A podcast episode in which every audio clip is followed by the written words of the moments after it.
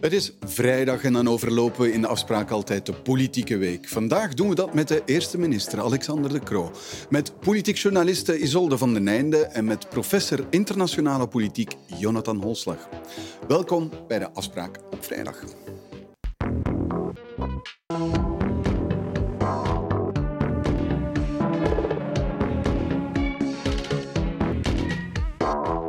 Goedenavond, meneer de eerste minister. Goedenavond. Bij de asielopvang in Brussel sliepen gisteren kinderen en gezinnen met kinderen op straat. Er is vandaag kern geweest.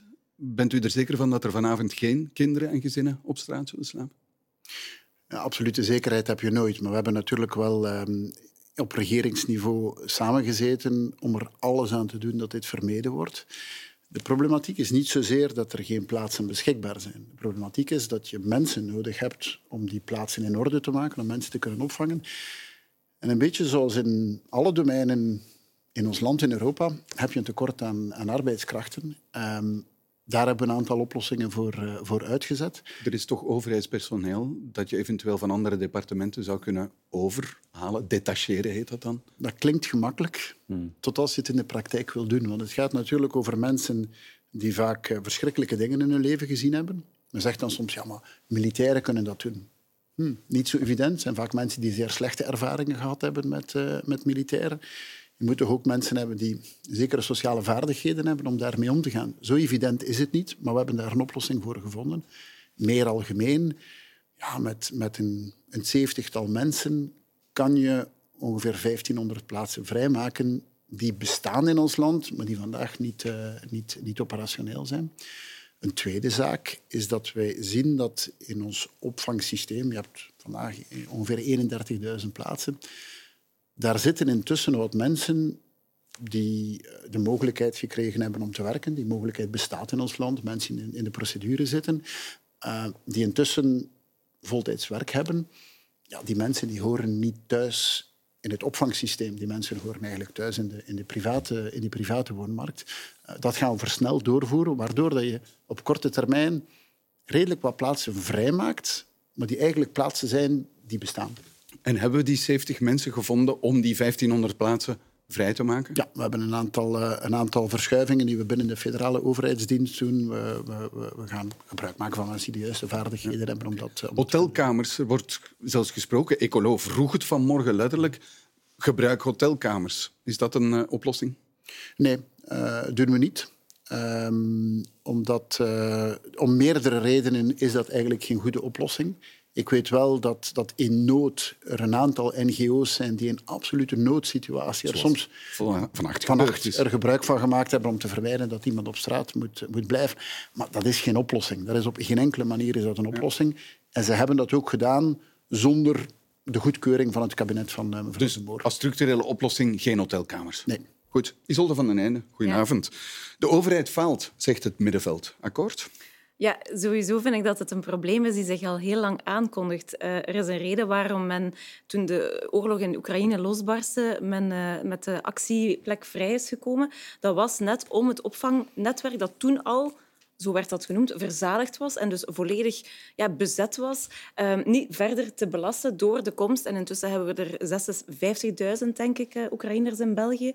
Um, dus toen al kwam dat eraan. En toen al was dat probleem duidelijk. Ik heb ook gehoord dat uh, onze staatssecretaris deze mevrouw zomer, de mevrouw De Moor, deze zomer eigenlijk al een oproep heeft gelanceerd naar gemeenten en steden en daar eigenlijk, ja, cru gezegd, geen gehoor uh, op heeft gekregen. Hè. Geen enkele gemeente zou hebben gereageerd om uh, nog wat meer te doen. Nu, ja, die gemeenten hebben wel al heel veel te verwerken, waaronder de Oekraïners en de COVID-aanpak. Maar het is wel echt... Um, denk ik, voor ons land redelijk schandalig dat um, gezinnen, en daar moet je niet links of rechts voor zijn, vind ik, um, gezinnen en kleine kinderen uh, niet kunnen opgevangen worden. Tot nog toe gebeurde het trouwens al met ja, alleenstaande mannen.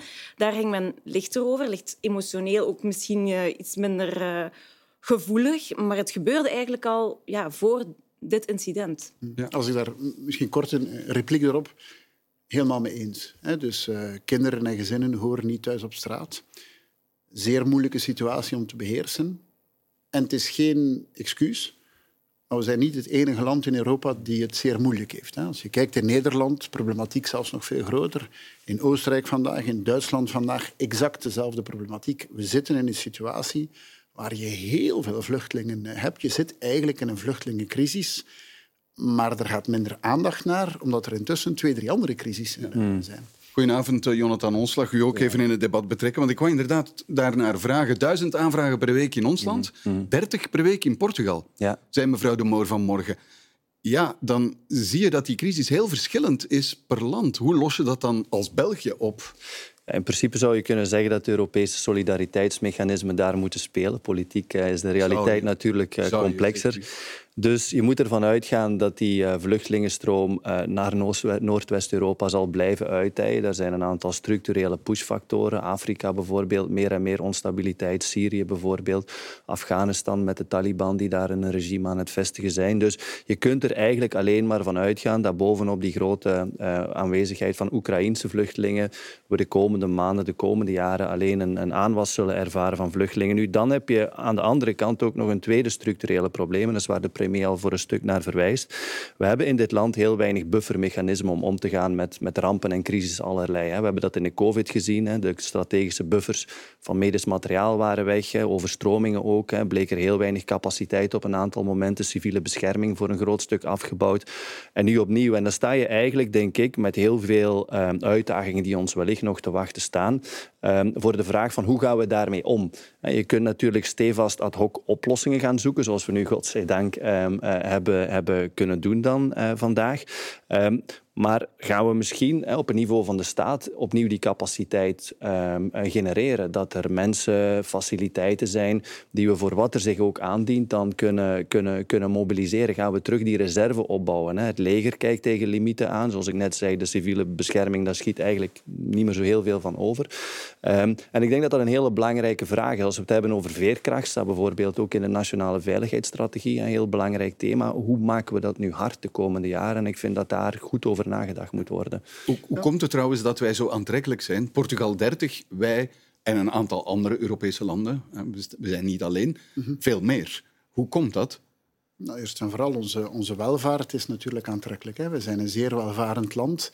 En gecombineerd daarmee, we zijn een zeer open land. Hmm. Ja, we zijn een land dat zeer open is naar de rest van de wereld. We zijn van een van de meest uh, diverse landen ter wereld.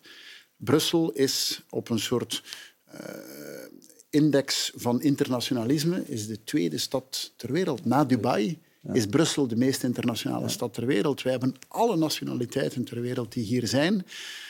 Europees, zeer grote Afrikaanse gemeenschap, maar eigenlijk iedereen ter wereld zit hier. En dus Brussel en ons land bij uitbreiding is gewoon aantrekkelijk door het feit dat heel veel mensen hier een aanknopingspunt vinden. Dus misschien om... hebben we geen instrumenten eigenlijk om die instroom, want dat zei u ook in het regeerakkoord, instroom verminderen, uitstroom beperken. Die instroom, daar hebben we eigenlijk nauwelijks instrumenten voor. Wel, je hebt naast de, de, de aantrekkelijkheid die, die terzelfde tijd ook onze sterkte is. Hè. De, de, sterkte van ons land is juist het feit dat wij een zeer open samenleving zijn, dat we, dat we, dat we een ongelooflijk internationaal aantrekkingspool zijn. Ja, dat mogen we natuurlijk niet verliezen. Maar anderzijds kan je natuurlijk wel in hoe je je, regels rond, rond opvang van vluchtelingen, dat je dat heel strikt gaat toepassen. Dat kan je wel, daar kan je wel vooruitgang doen we dat op, dan niet op boeken. We doen dat wel, maar... En, en misschien daar ook op inpikken op wat meneer Holslag zegt. Ik ben het daarmee eens. Hè. Als land moet je buffers hebben. En, en wij merken inderdaad dat er domeinen zijn waar we te weinig buffers hebben. Onze reactiviteit en onze innovatiekracht helpt ons daar vaak bij. Als je kijkt, COVID, aarzelende start, daarna eigenlijk bijna met voorsprong mm.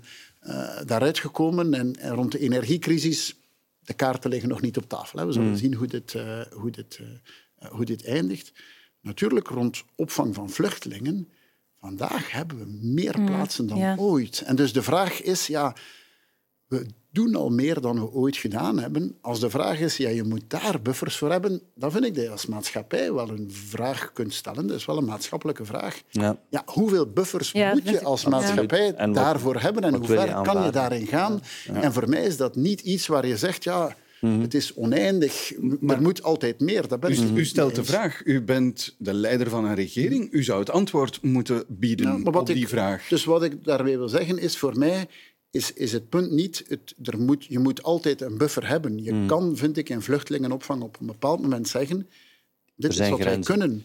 Dit is wat wij kunnen. En waarom zijn we natuurlijk geconfronteerd met het feit dat er altijd meer mensen komen? Je hebt er allusie naar gedaan. Het Europese verdelingsmechanisme is, is onbestaande, mhm. is, is een discussie waar Europese landen al jaren in een mhm. grote bocht omheen lopen. Wij vinden daar geen, geen oplossing voor. En natuurlijk, mensen dienen zich aan, voldoen aan de voorwaarden van een vluchteling. En vandaag moet je als land daar een antwoord op geven. En dat systeem is een systeem dat niet houdbaar is in Europa. Dat is niet houdbaar in Europa, maar ook voor ons. U zegt ja, de regels strikt toepassen, maar het stopt de instroom niet. Integendeel, als mensen voldoen aan de regels, mhm. dienen ze zich aan mhm. en worden ze beoordeeld. En we doen al zoveel. Dus als u zegt van ja, we gaan, we gaan dat tegenhouden. Dat betekent eigenlijk dat je aan de buitengrenzen een, uh, een, een, beperkender beleid moet gaan voeren. De keer dat ze hier zijn, Voilà. is het heel moeilijk om een heleboel gaan we, mensen... Gaan we terug mensen aan, de grenzen, aan onze grenzen zetten? Nee, niet aan onze grenzen. Maar, maar natuurlijk, eenmaal men Europa binnen is, dan hebben bepaalde landen een zeer grote attractiviteit. En dat heeft bijna, het is niet enkel een financiële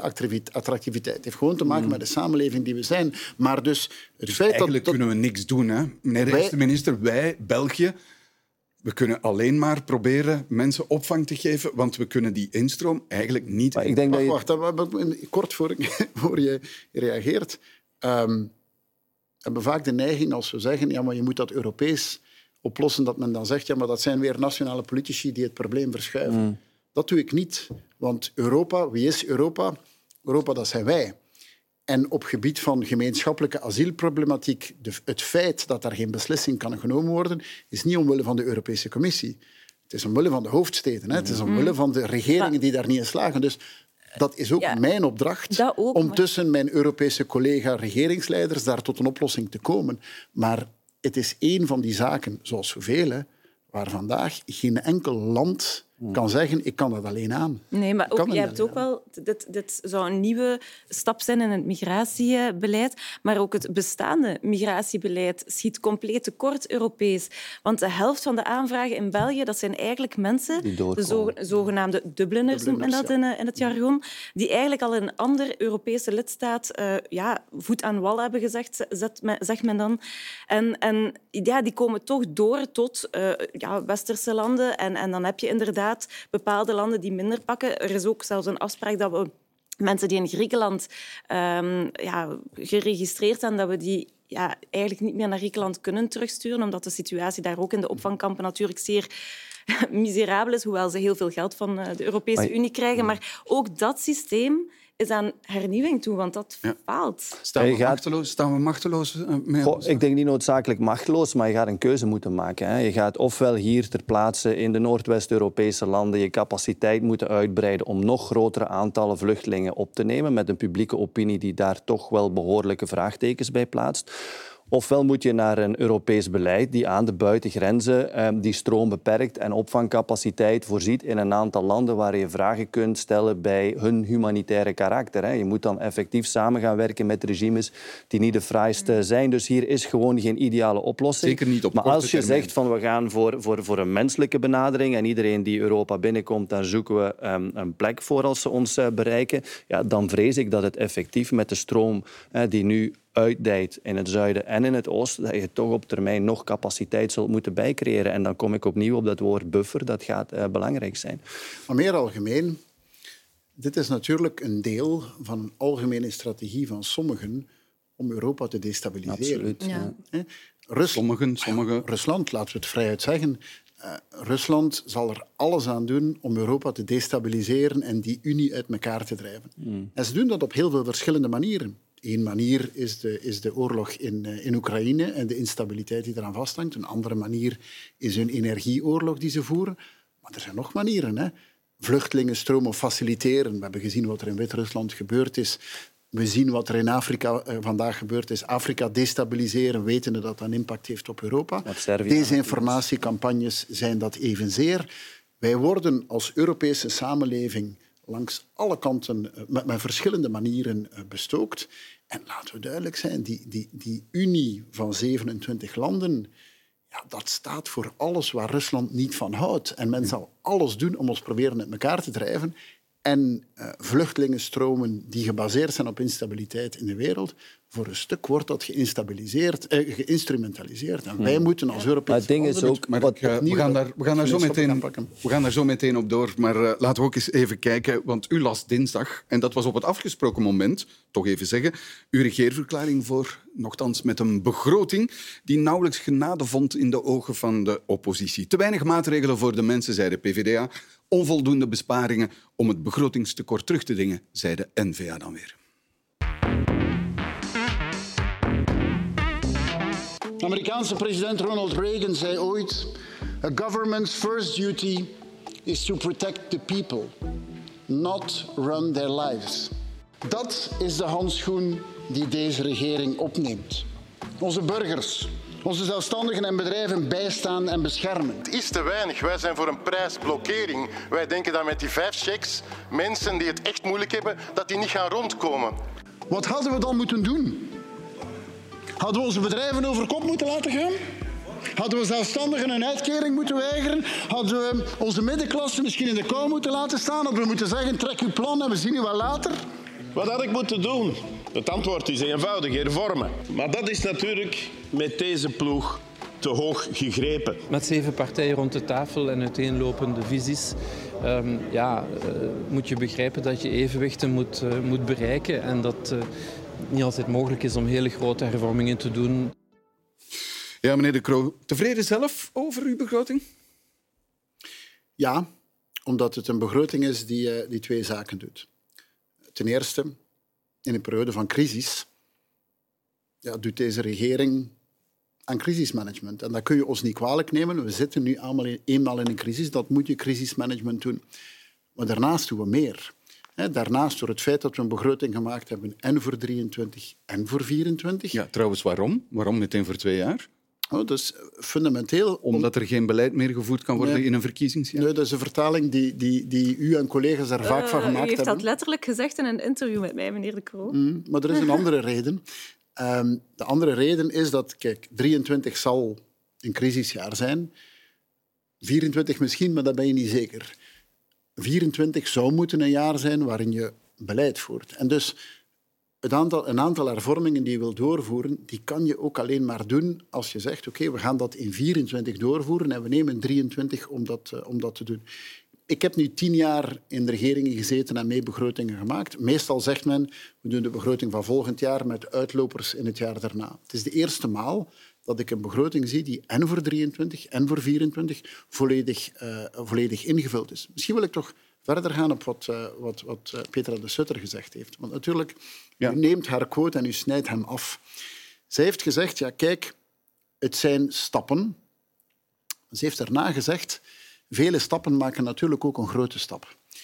En dat is het essentiële. Dus ik hoor natuurlijk de kritiek van sommigen die zeggen ja, maar, maar je moet hier met grote, forse hervormingen uh, komen.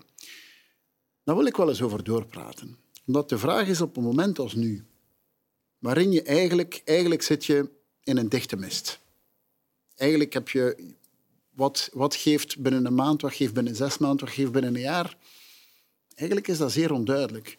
En dus als je in de dichte mist zit, ja, dan moet je een beetje trager rijden.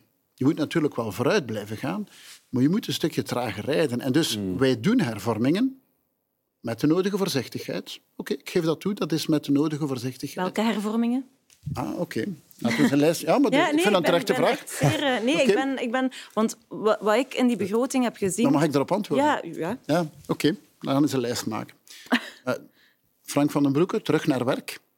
Arbeidsongeschiktheid is vandaag een budget dat groter is dan werkloosheid. We spreken vaak over werkloosheid, maar eigenlijk arbeidsongeschiktheid gaat over een groter budget. Mm. Het aantal mensen dat nu in trajecten zit waar men niet meer zegt van jij bent ziek en je kan niks meer, maar in een traject waar we weer aan de slag gaan, 40% hoger dan bij het begin van deze regering. Maar we zien de activiteitsgraad nog wel dalen. Ah, nee, is dat zo? toch? Is dat zo? Nee, absoluut niet. In Franstalig België. Activi en, de eh, activiteitsgraad in ons land... Ik ben een federale premier, dus ik ga spreken over ons land. Activiteitsgraad in ons land versus het begin van de regering, 1,5% hoger, 186.000 jobs erbij. Als Guy Verhofstadt sprak over 200.000 jobs, toen zei men, wat vertelt die man? Wij zitten in deze periode aan 186.000 jobs in een periode van crisis. Laten we nog een vergelijking nemen. De regering Michel, de regering waar ik zelf ook deel van uitmaakte, over die vier jaar en een half activiteitsgraad gestegen met 2,9 procent. Wij in de helft van die periode 1,5 procent. Eigenlijk vergelijkbaar. En dus ik hoor wel degenen die zeggen ja, maar je moet met een soort shock-effect komen. Hmm. Dat is niet de methode die deze regering gebruikt. De methode die deze regering gebruikt is eerder stapsgewijs. Maar beoordeel mij op mijn resultaten en niet per se op de methode die gebruikt. U spreekt over... Nee, maar vooral... Ja, wat, wat, ik zelf vind, is de regering zegt eigenlijk zelf in de notificaties van die begroting, hè, dus de, de, de uitwerking ervan, maar we moeten nog verder hervormen. En eigenlijk is dat toegeven dat de hervormingen die tot nog toe zijn gebeurd niet ver genoeg gaan. Nee, je bent... Ik, ik, excuus, ik ben, ik ben op twee jaar van het einde van de regeerperiode. En ik weet dat sommigen zeggen, dit was het laatste grote moment ben het daar absoluut niet mee eens. U waarom, zelf, waarom, door die begroting nee, absoluut jaar niet. te laten waarom, Nee, nee we, zijn, we zijn nu in oktober. De, de verkiezing zal waarschijnlijk in mei van 24 plaatsvinden. Ik ben het daar dus absoluut hmm. niet mee eens dat dit het graagste moment is. je zal zien, in deze periode gaan we nog wel momenten hebben. Dat is... Maar als u, als Hebt u er vertrouwen in, in de hervormingen met, met Holslag? Als je ik, ik, ik, ken, ik ken de details niet, ik heb ze niet, niet bestudeerd. Maar als u spreekt over mist, en ik denk dat er een hele belangrijke metafoor is. We kijken, we kijken naar mist toe. Eh, dat het heel belangrijk is net om eh, je capaciteit op te bouwen om eh, te reageren op nieuwe mhm. schokken. Als je spreekt over een begroting voor twee jaar en je hebt niet het minste zicht op hoe de energieprijzen gaan, gaan evolueren, dan lijkt me dat nogal um, een, een, riskante zaak. Maar ik denk, hoe moeilijk het ook is voor heel veel gezinnen, dat je meer steun moet combineren met soberheid. Als ik die begroting verder in het rood zie zinken, die staatsschuld naar boven zie schieten met dan het vooruitzicht op een rente die geleidelijk aan omhoog gaat, ja, dan beperk je natuurlijk ook de bewegingsvrijheid in de toekomst, de komende jaren, voor, voor, voor komende regering misschien, voor de komende generatie, om met de onvermijdelijke schokken, en er zijn er veel, hè, geopolitiek, klimaatverandering, eh, economisch, eh, om te gaan die, die op ons afkomen. En, en inderdaad, hè, vergrijzingsproblematiek. In welke mate gaan die eh, maatregelen dat echt eh, omkeren? Arbeidsmobiliteit bijvoorbeeld wordt over gesproken, om, om, om daar de kloof tussen de regio's wat, wat, wat te dichten. Kunnen we daarvan uitgaan dat de beperkte maatregelen die nu worden uh, goedgekeurd, dat gaan verhelpen, die 500 euro dan die er bovenop um, uh, uh, komt. Ja, wat betekent dat? Ik zeg maar iets voor een, voor een, voor een, um, een persoon die ergens in, in het diepe Wallonië woont en daarmee 45 euro per maand overheid amper een, een gastank kan volgooien om naar Brussel te pendelen, bijvoorbeeld. Dus allee, mist, ik deel uw analyse, hè, maar stellen we onze bevolking in staat met deze maatregelen om met de onzekerheid, met de enorme uh, problemen die, ons, uh, die, ons, die voor, ons, voor ons nog uh, uit ik, ik, maar als je, ik als je misschien kijkt naar... Oké, okay, budget vind ik, vind ik een terecht punt. Opnieuw, begin van de regeerperiode versus nu, versus 24, want we hebben een begroting gemaakt tot 24. Een verbetering van het structureel saldo van de federale overheid met 1,1 procent. Ik vind niet dat je daarvoor moet blozen in een periode van een, van een crisis. Je gaat eindigen op een tekort structureel van 3,2 procent. Louter op federaal niveau. Louter op federaal niveau. Ja, ik, ben verantwoordelijkheid, ik ben verantwoordelijk voor mijn... rekent wel met... zal kijken naar de totaliteit, dat is waar. Nu, de dynamiek in de andere begrotingen die is wel een beetje anders dan ons. Hè. De index is iets wat de mensen zeer goed beschermt, wat voor een begroting moeilijk is. Voor de regionale begrotingen is dat eerder goed nieuws. Hè. Er gaan heel veel middelen bijkomend naar, die, eh, naar, die, eh, naar, de, naar de regionale regeringen. Over jouw punt van ja, welk perspectief geef je aan mensen en, en, en kan je aan mensen duidelijk maken dat het daarmee de oplossing is? Voor een stukje moet je, denk ik, als, als politici of als beleidsmakers ook wel een beetje bescheidenheid hebben om op, op een moment als mm, dit. Absoluut. En, en soms ook voorzichtig zijn in wat je zegt. Het zou gemakkelijk zijn om te zeggen, we gaan alles voor iedereen oplossen. Mm. Maar dat is volgens mij de grootste fout die je kan maken. dat is niet zo. Hè? Maar dan moet je ook wel een oproep doen aan de bevolking. En die oproep had er voor mij nu niet moeten komen, maar al in, in, in maart, in het voorjaar. Van mensen, wees voorzichtig. Hè. In plaats van um, uitgebreid op vakantie te gaan, leg die reserves aan. Hè. Wat de overheid moet doen op gebied van buffers, moeten de gezinnen ook doen.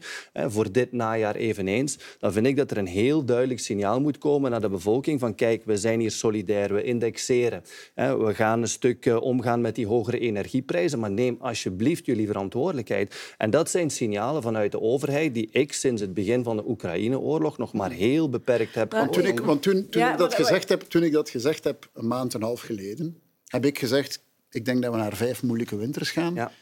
Toen hebben heel veel mensen mij dat kwalijk genomen. Ja, maar waarom en ik heb er eigenlijk geen spijt van dat ik dat gezegd heb. Waarom nemen mensen dat kwalijk en dan koppelen we het aan een ander symbolisch dossier? Omdat er geen plannen zijn, maar ook omdat ik daarin vind dat de politiek een, een voorbeeldrol uh, moet, moet geven. Hè. En uw partij staat voor 8% bezuinigen op, uh, op een aantal wedden, als ik het uh, goed begrijp. We zouden daar veel verder in moeten gaan. De overheid moet nu meer dan ooit tonen ja, dat ze tussen maar... de mensen staat en in die financiële inspanning ook verder durft te gaan. Dat is symbolisch heel belangrijk de man in de straat die zich vragen stelt over alles, die, die, die ziet eigenlijk een complete ontkoppeling van twee realiteiten. Ik ben, ik ben het, ik ben, ik ben het, ik, ik, het, uiteraard moet er een zekere mildheid zijn voor de crisissen waar deze regering het land moet door, door, doorhalen. Maar ik ben het ook wel een beetje beu gehoord, want elke, elke regering heeft al met crisissen de vorige regering Michel had een, ook een grote opvangcrisis en een, asiel, en een uh, terreurcrisis.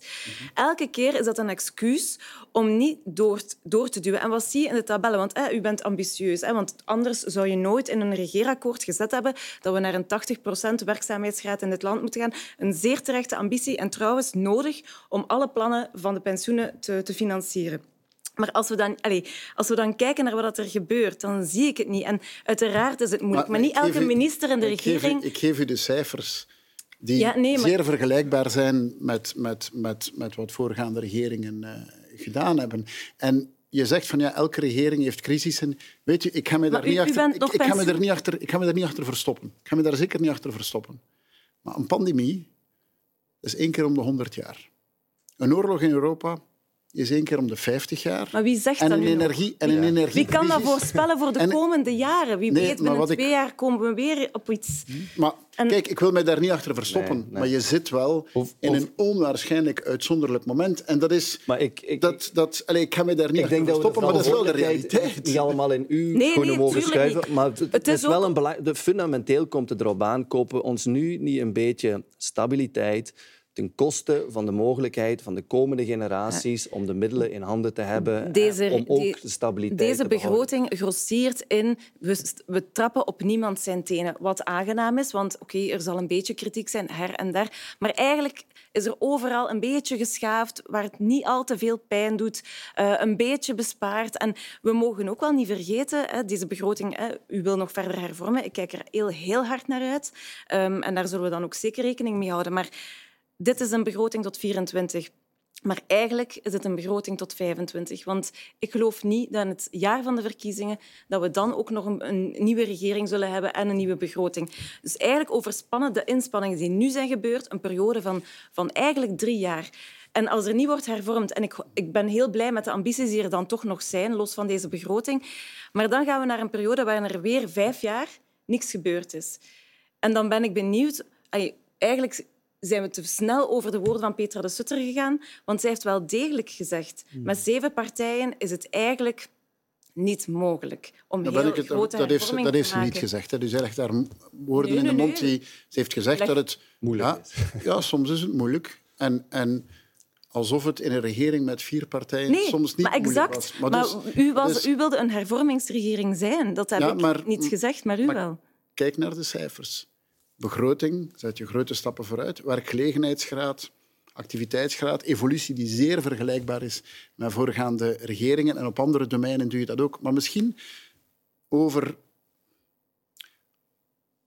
hoe ga je in een, regering, welk beleid voer je op een moment met onwaarschijnlijk veel onzekerheden? Maar die gaan er blijven, die, hè, die onzekerheden. Ik denk dat maar nu bent je aan het zeggen dat een situatie als deze het nieuwe normaal is. Misschien is dat zo. Kijk, dat, dat weet je, dat, de dat weet je niet, is. maar je zit, nee, maar, ik, ik maar je zit toch met een combinatie... redelijk veel plaatsen waar dat er over de wereld wordt nagedacht. En daar is de consensus, ook bij grote bedrijven, dit wordt het nieuwe normaal.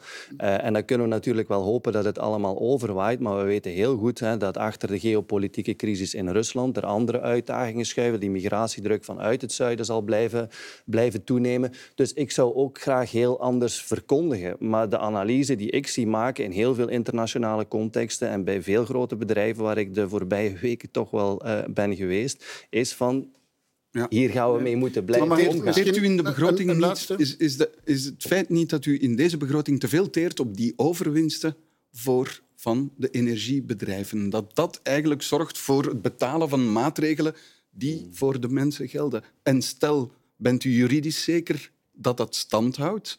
Twee zaken daarover.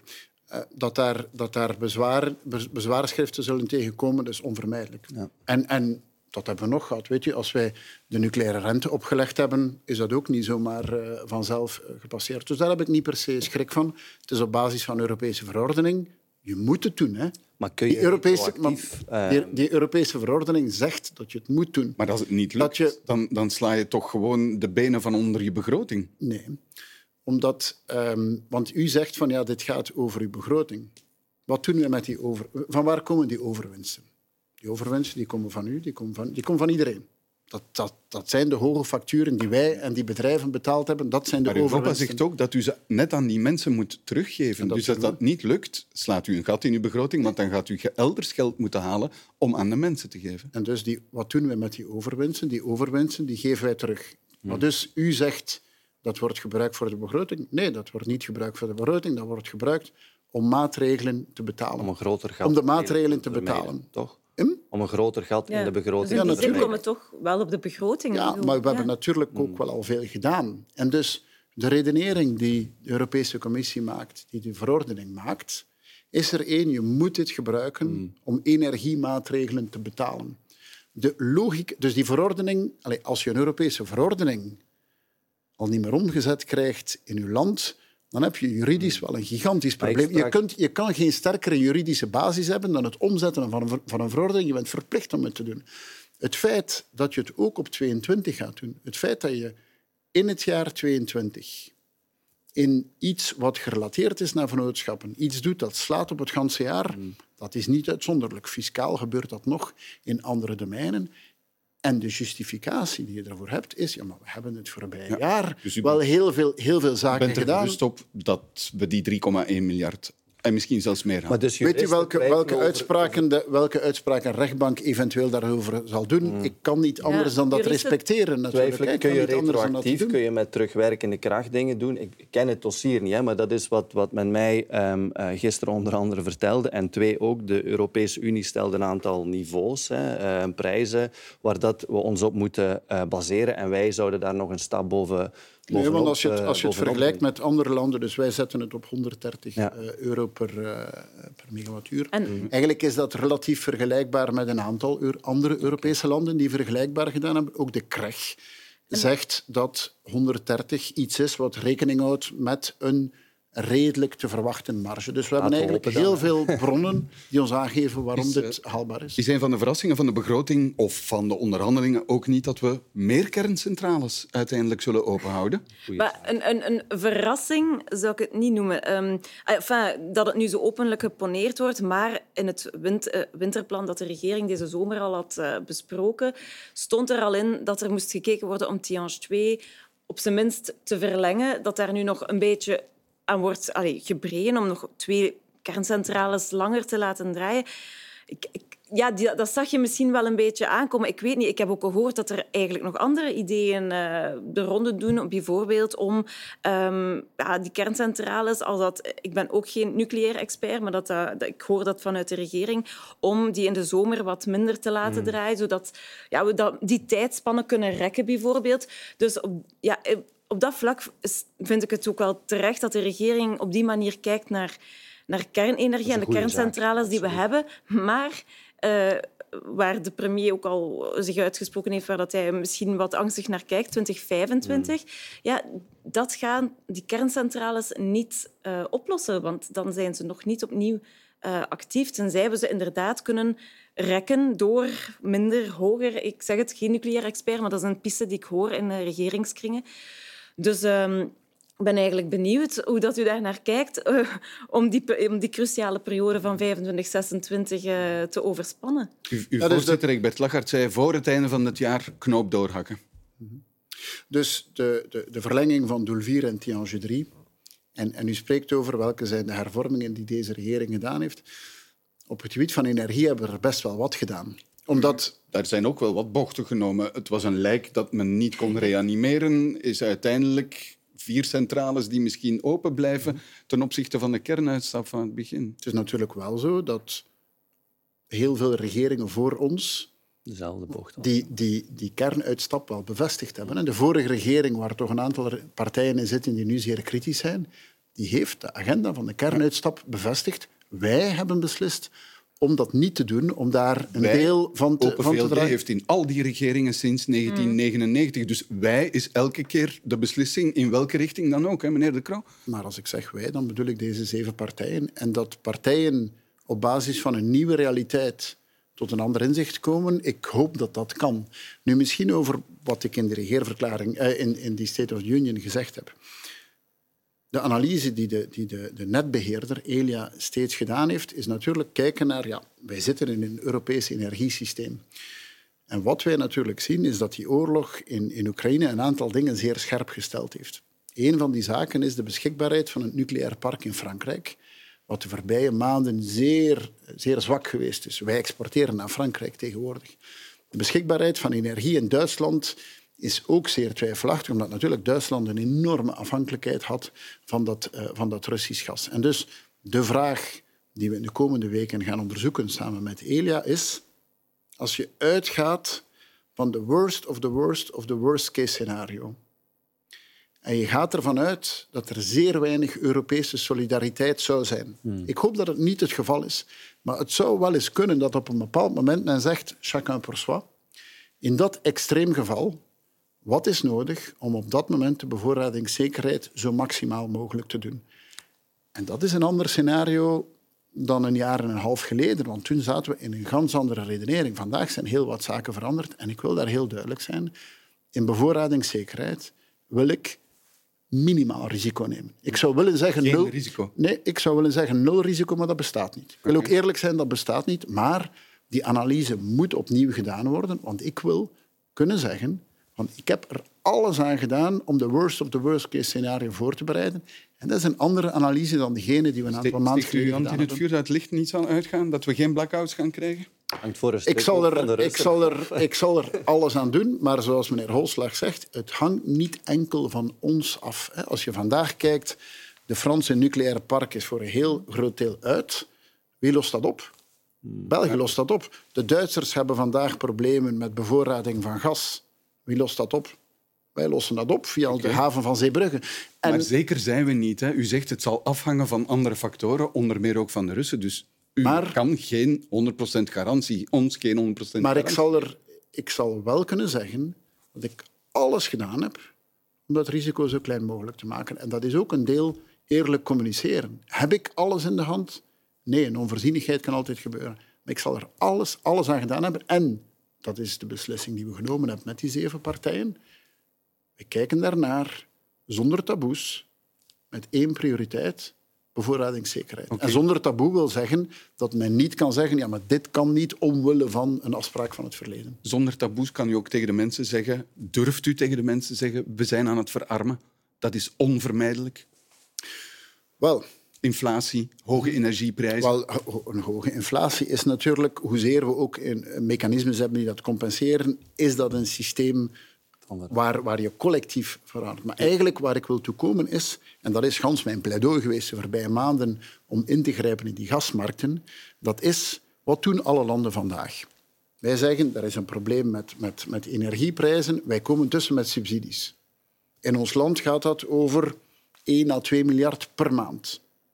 En eigenlijk is dat elke maand, is dat in Europa tientallen miljarden van hardgewerkte Europese welvaart. Mm. Dat komt uit onze innovatiekracht, dat komt uit onze werkkracht, uit onze ondernemingskracht. Elke maand opnieuw is dat een paar tientallen miljarden aan Europese welvaart die wij nemen en die wij rechtstreeks naar Rusland doorschuiven. Dus, en dat is niet houdbaar. Dus durft u tegen de mensen recht in de ogen zeggen van jullie zijn aan het verarmen? Als je kan dit, dat niet tegenhouden? Als je dit in de komende weken niet stillegt, dan ben je inderdaad Europese welvaart aan het versluizen naar Rusland en je lost niks op. Maar dat is al heel, heel lang aan de gang. Hè. Ik herinner me die discussies over de betrouwbaarheid van Rusland als een energieleverancier al van in de jaren 19, of 2018. En toen was het idee van het zal, wel, het zal wel meevallen. Dus ik denk inderdaad dat we onze lessen moeten trekken. Het is heel pijnlijk leergeld, mm. omdat daar toch al heel lang vragen bij gesteld werden. Is er een verarming aan de gang in België? Als je kijkt naar de koopkracht, al bij al doen wij het nog relatief goed. Als je kijkt naar het, het, het, netto financieel vermogen, dus het verschil van alle spaargelden en, en de leningen, ja, dan gaan we, gaan we wel degelijk bergaf als, als land. Dus collectief zijn we aan het verarmen. De vraag is, hoe kunnen we nu, nu we nog wel wat slagkracht hebben. België heeft troeven, innovatie bijvoorbeeld. We hebben sterke industrie. Qua productiviteit doen we het ook niet slecht. Hoe kunnen we die ruimte gebruiken om, om door te groeien, om de pijlers van onze welvaart te verstevigen? En ik denk dat we daar proactiever mhm. moeten zijn. Er is een heel mooi voorbeeld. Hè. In, in Wallonië is er een, eh, een, een, een bedrijf, Cockerill, die zit op spitstechnologie in, eh, in waterstof, heeft geld nodig.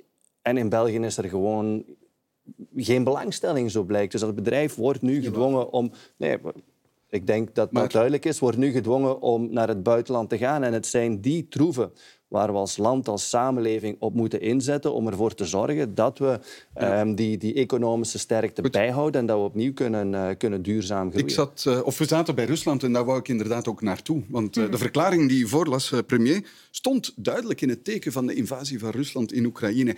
In de tekst stond dertien keer het woord oorlog en er wordt verschillende keren gewezen naar de verantwoordelijkheid van die Russische president Vladimir Poetin.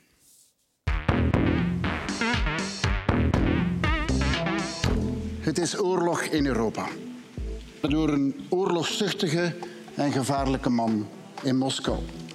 Een ultranationalist die erop uit is om onze westerse manier van leven onderuit te halen. Een onversneden fascist die de grootheid van zijn eigen land afmeet aan de ondergang van een ander land. Сегодня утром по предложению Министерства обороны и по плану Генерального штаба России нанесен массированный удар высокоточным оружием большой дальности воздушного, морского и наземного базирования.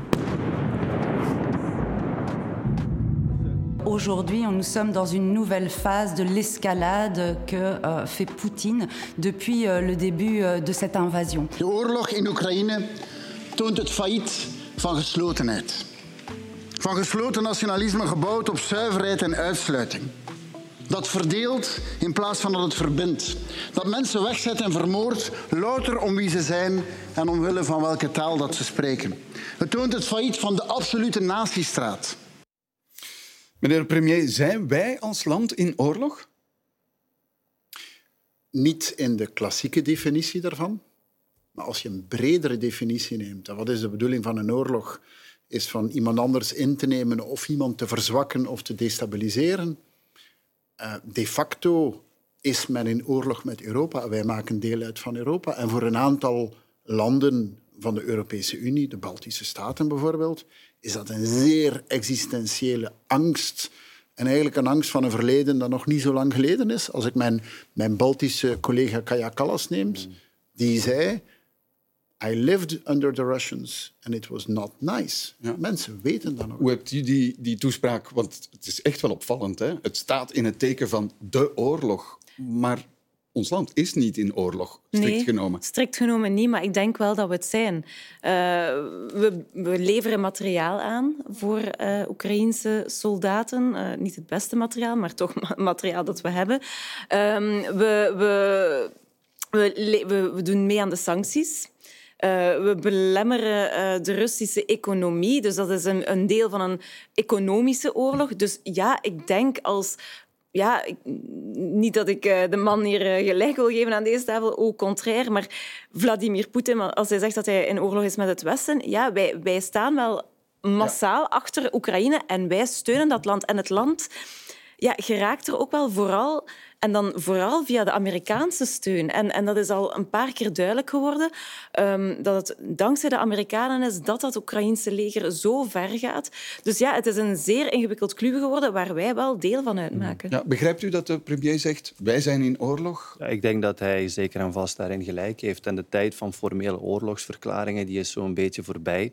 Uh, we zijn op heel veel manieren in, uh, in oorlog met, uh, met mm. Rusland. Om te beginnen viseren zij onze kritische infrastructuur. En dat gaat van cyber over onze energie. Dus de analyse klopt? Die analyse ja. die klopt volledig. Zij um, willen Europa onderuit halen, de Europese cohesie ondermijnen. Zij willen onze vrijheden ondermijnen. Dus die analyse die is, die is volledig terecht. En het grote probleem is dat dat conflict niet beperkt blijft bij Rusland. We worden in de hele wereld omringd door allerlei mm. spelers die eigenlijk datzelfde doen of willen doen. Ja, en hebben we dan een strategie in deze mhm. oorlog? Wat is onze strategie? Die strategie is niet enkel een Belgische strategie. En, en een van de, in, in de wereld van vandaag ben je liefst niet alleen. Wie alleen is vandaag, die heeft doodsangst of die vervoegt iemand anders om zich veilig te voelen, wat Finland en Zweden uh, gedaan hebben. Voor de strategie kan er nooit één zijn van ons te isoleren ten opzichte van de rest van de wereld. En sommigen zeggen, ja, het is het einde van globalisering enzovoort. Ik ben het daar absoluut niet mee eens. Er zijn nogthans hele duidelijke aanwijzingen dat die globalisering aan het, uh, aan het teruglopen ja, is. Ik, ik, denk dat maar, maar dat is niet in het voordeel van Europa. Daar ben Wat... ik het mee eens dat het niet in het voordeel is met Europa, maar er zullen heel veel dingen niet in het voordeel van Europa zijn de komende tijd, maar ze zullen toch voorvallen. En ja. we zullen daarmee om moeten gaan. Maar... Dus we mogen de fout niet maken die we in het verleden al heel veel hebben gemaakt. En dat is onze idealen en onze dromen voor realiteit nemen. Ik denk, wij delen heel veel van de idealen. Hè. Ik denk, we staan voor heel veel van dezelfde principes. Maar het verschil is wellicht een beetje dat ik daarin wat voorzichtiger ben, omdat ja, die, die, die idealen gaan meer en meer gecontesteerd mm. worden. En net dan is het belangrijk om je macht overeind te houden, je autonomie overeind te houden. Voilà, maar daar wil, ik, daar wil ik toe komen. We mogen ons niet afsluiten van de rest van de wereld, maar we mogen ook geen afhankelijkheden meer hebben. En dat was de fout. Wij hebben wij, waren afhankelijk geworden van Rusland op het gebied van energie. We zijn afhankelijk van de Verenigde Staten op het gebied van, van onze veiligheid.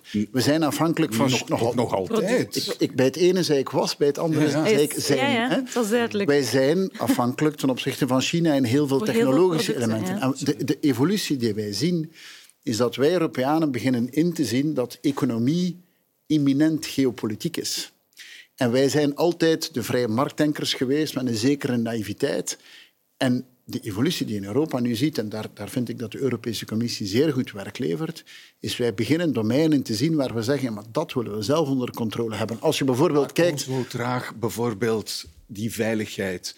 Als je gaat kijken, investeringen in leger. Absoluut. Oh, zo traag. Oké, okay. laat mij twee voorbeelden geven. Ten eerste, op het gebied van nanotechnologie.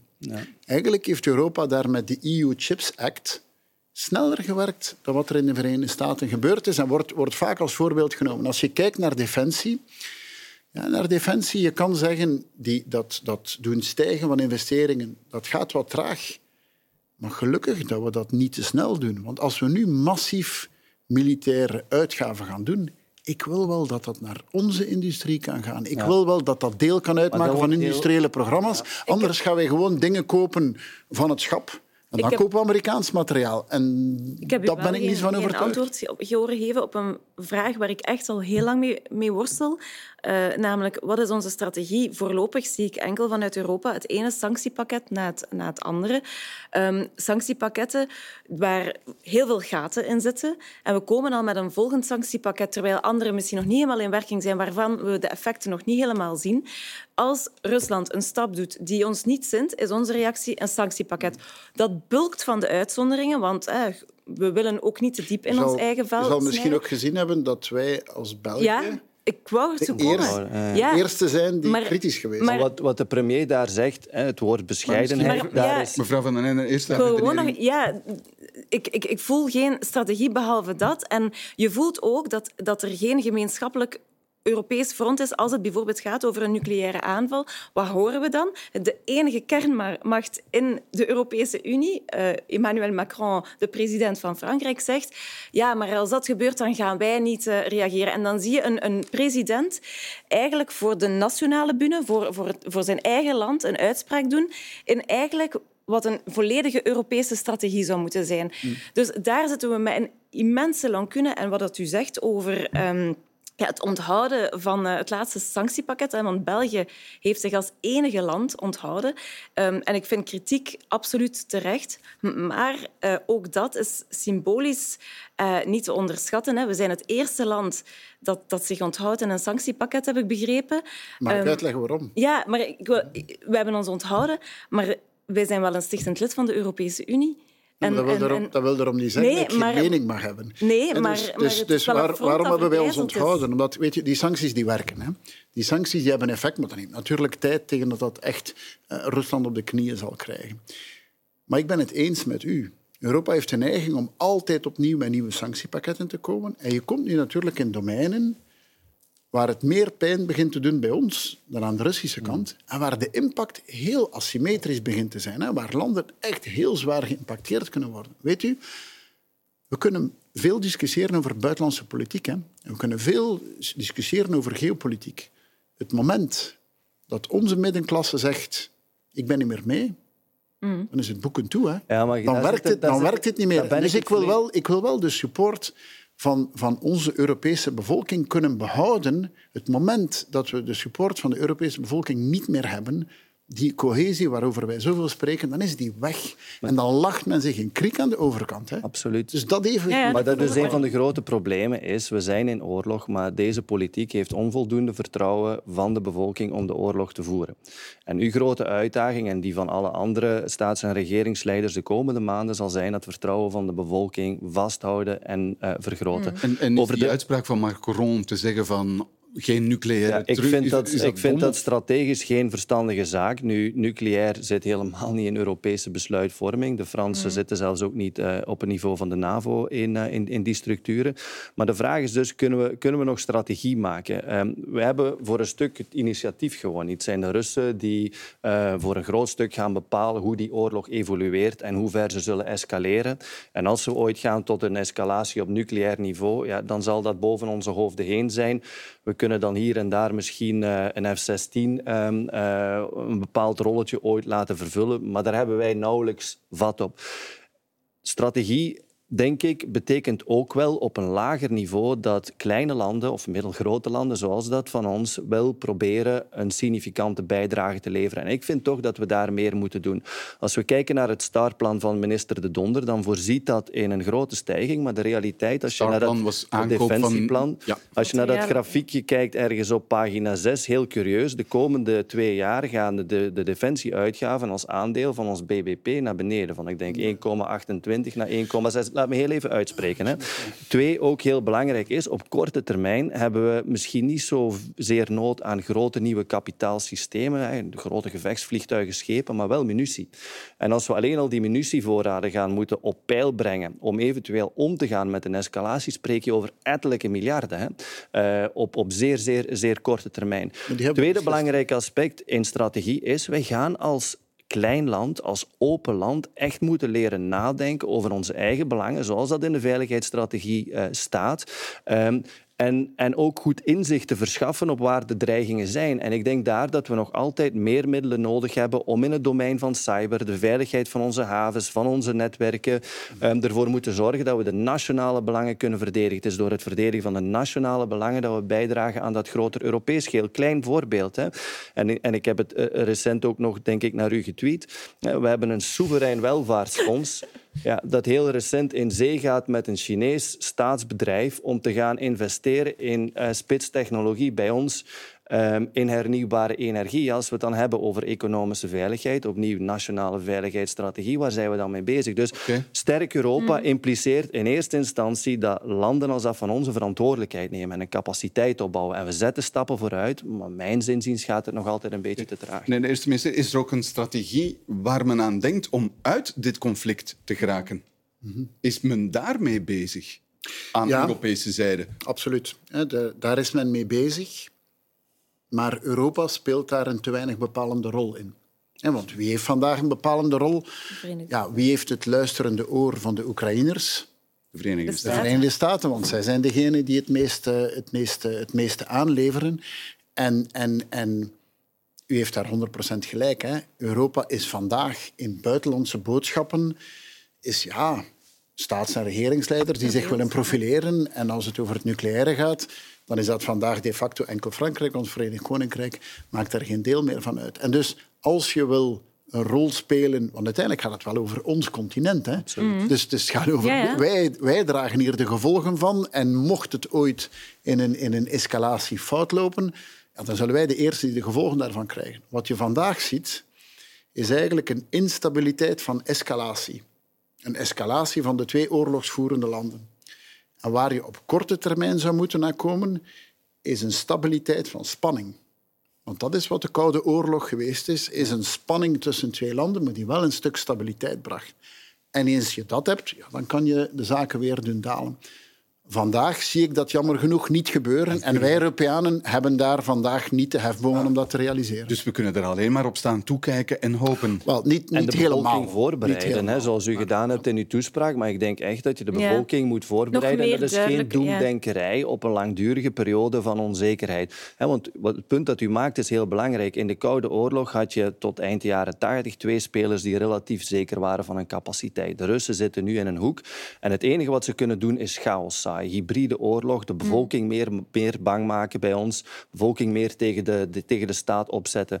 En dat is vooral waar we heel gevoelig aan moeten zijn. En daarbij is het inderdaad belangrijk om de zwakste te beschermen tegen energieschokken. Maar het allerbelangrijkste in oorlog is vertrouwen. Leiderschap is in eerste instantie vertrouwen. En dat gaan we op alle mogelijke manieren opnieuw moeten, moeten zien. Uh, daar blinkt Europa niet in uit, als we eerlijk moeten zijn, meneer de eerste minister. Dat kan veel beter. En, en dat zal een van de lessen zijn die, hier, die eruit komt. Covid heeft ons veel uh, geleerd. Maar dit is, wat hier gebeurd is voor Europa veel existentiëler. is een onwaarschijnlijke uh, wake-up call. En wat men, geprobeerd, wat men steeds probeert is ons uit elkaar te trekken. We moeten er alles aan doen om bij elkaar te blijven. En ook een aantal mensen te mandateren om ook onze stem te zijn. Mm. De stem van Europa moet een aantal... daarmee? Een aantal mensen mandateren. Waaraan denkt u dan? Ja, mij lijkt dat op gebied van buitenlands beleid is het vandaag totaal onduidelijk wie spreekt in de naam van Europa. En dat is dan af en toe is dat Emmanuel Macron. En mocht ik die ambitie zijn en ik duur een straffe verklaring, dan zou ik dat zijn. ik ga dat niet doen omdat dat mijn rol niet is. Ja, Jozef Borrell, ja. Uh, die een zekere rol gekregen heeft in de Europese structuren. Maar dat is niet wat u bedoelt. U bedoelt iemand die met meer kracht kan spreken. Absoluut. Vandaag is dat niet effectief. En, en we hebben daar lang over gesproken, maar vandaag zie je het ook. Maar bent, u, bent u ongerust? Nee, ik ben, uh, ik, ben, ik ben niet ongerust, maar ik ben wel bijzonder op mijn goede. Hmm. En um, zoals steeds, hope for the best, but prepare for the worst. En hope is not a strategy. Oké, goed. Dat is het einde van deze afspraak op vrijdag. En daarmee is weer een politieke week netjes neergelegd. En zoals altijd dank ik mijn gasten voor de deskundige hulp daarbij. Alexander de Croo, Isolde van den Einde en Jonathan Slag. En u, dames en heren, dank dat u erbij was. En tot volgende keer.